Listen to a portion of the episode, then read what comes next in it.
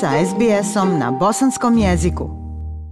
Slušate program SBS radija na Bosanskom. Australsko vijeće socijalne službe, takozvani AKOS i druge grupe u zajednici istakli su njihove ključne zahtjeve za smjernicama na predstojićim saveznim izborima kako bi se poboljšao život ljudi sa niskim primanjima. Među zahtjevima su i oni da vlada koja će pobjediti na izborima trajno poveća ratu isplate Job Seeker i ostale isplate podrške, nešto što se ni jedna od glavnih stranaka nije obavezala da će uraditi.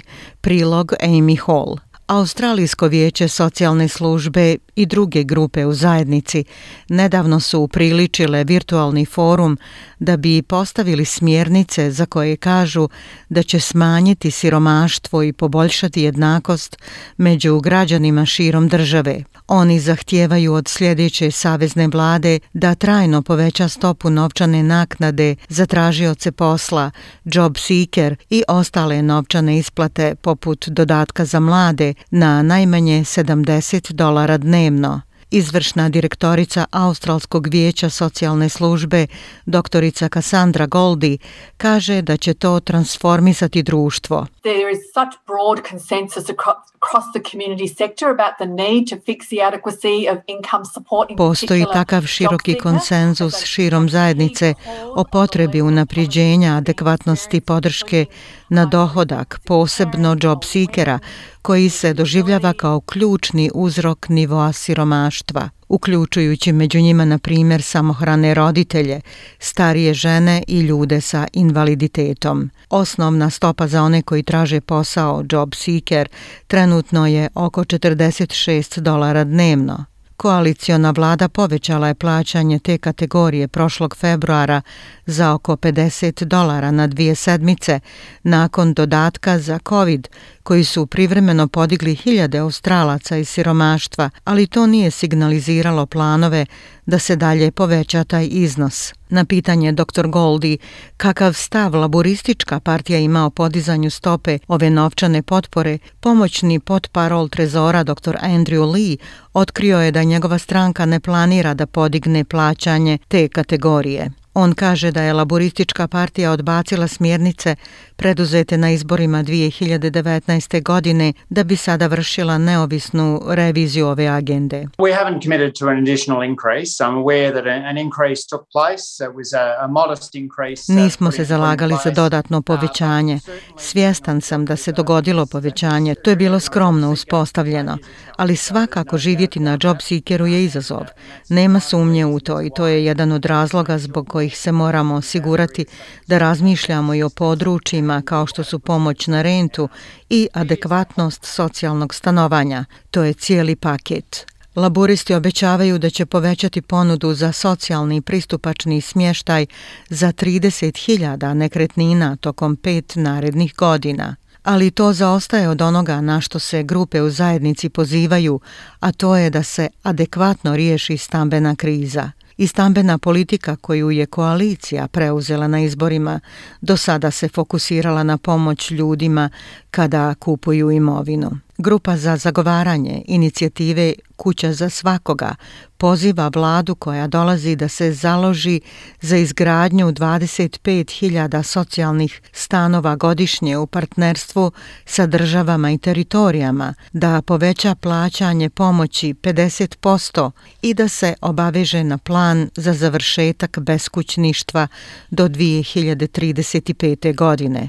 Glasnogovornica Kate Colvin kaže dok se pristupačnost iznajmljivanja stanova pogoršala u nekoliko zadnjih godina na sve strane, cijene su najviše pogađale ljude sa niskim primanjima. The fact is that we've got rents that have been increasing much faster than low wages.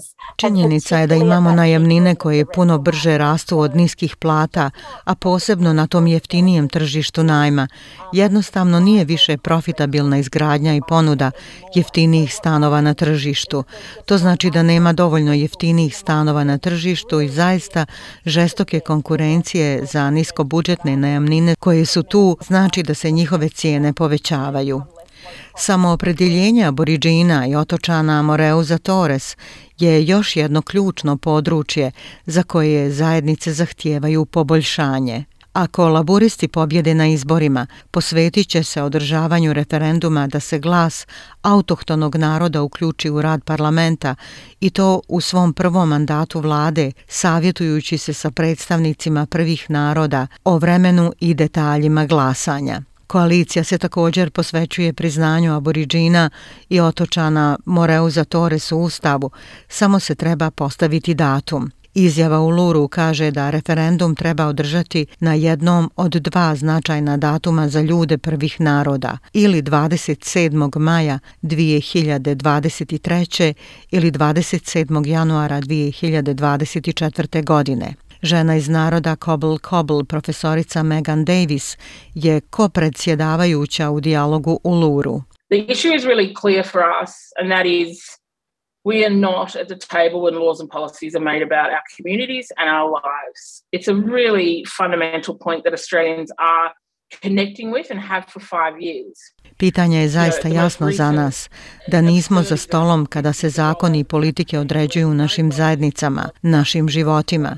To je stvarno temeljna tačka s kojom se Australci povezuju i ima tome pet godina.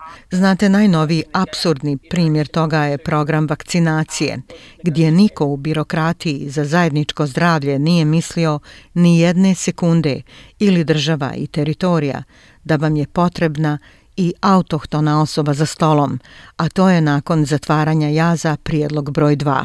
Sophie Trevic je izvršni direktor vodeće pravne organizacije prvih naroda Change the Record.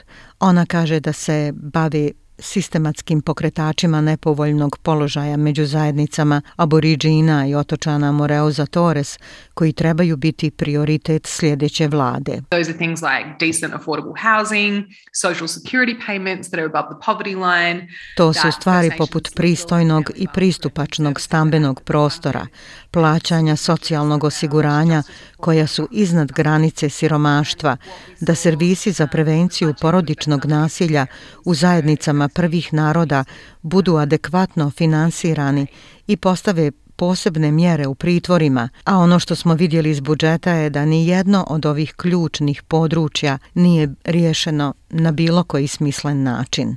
I dok izbjeglice i tražitelji azila ne mogu glasati, oni koji to mogu pozivaju se da razmotre svoje stanje prilikom glasanja. Voditelj zagovaranja u oblasti tražitelja azila, Ogi Simić, kaže da su četiri glavna područja smjernice njihove organizacije.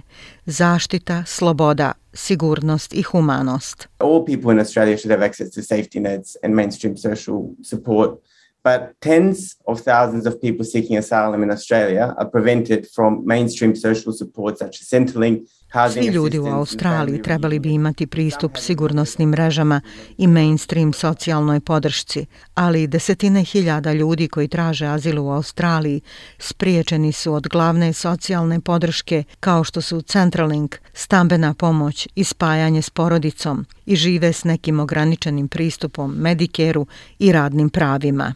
Ostale ključne smjernice na koje grupe pozivaju sljedeću vladu su da se obaveže većoj posvećenosti borbe protiv klimatskih promjena i upravljanju katastrofama, poboljšanju pristupa stalnom i stabilnom zaposlenju i za garantovano pružanje kvalitetnih osnovnih usluga kao što su njega starijih osoba i stomatološke usluge.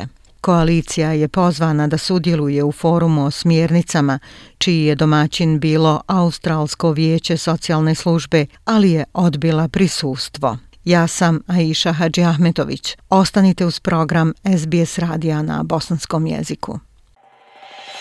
SBS na bosanskom. Podijelite naše priče preko Facebooka. Želite poslušati još ovakvih priča? Slušajte preko Apple podcasta, Google podcasta, Spotify ili kako god da primate svoje podcastove.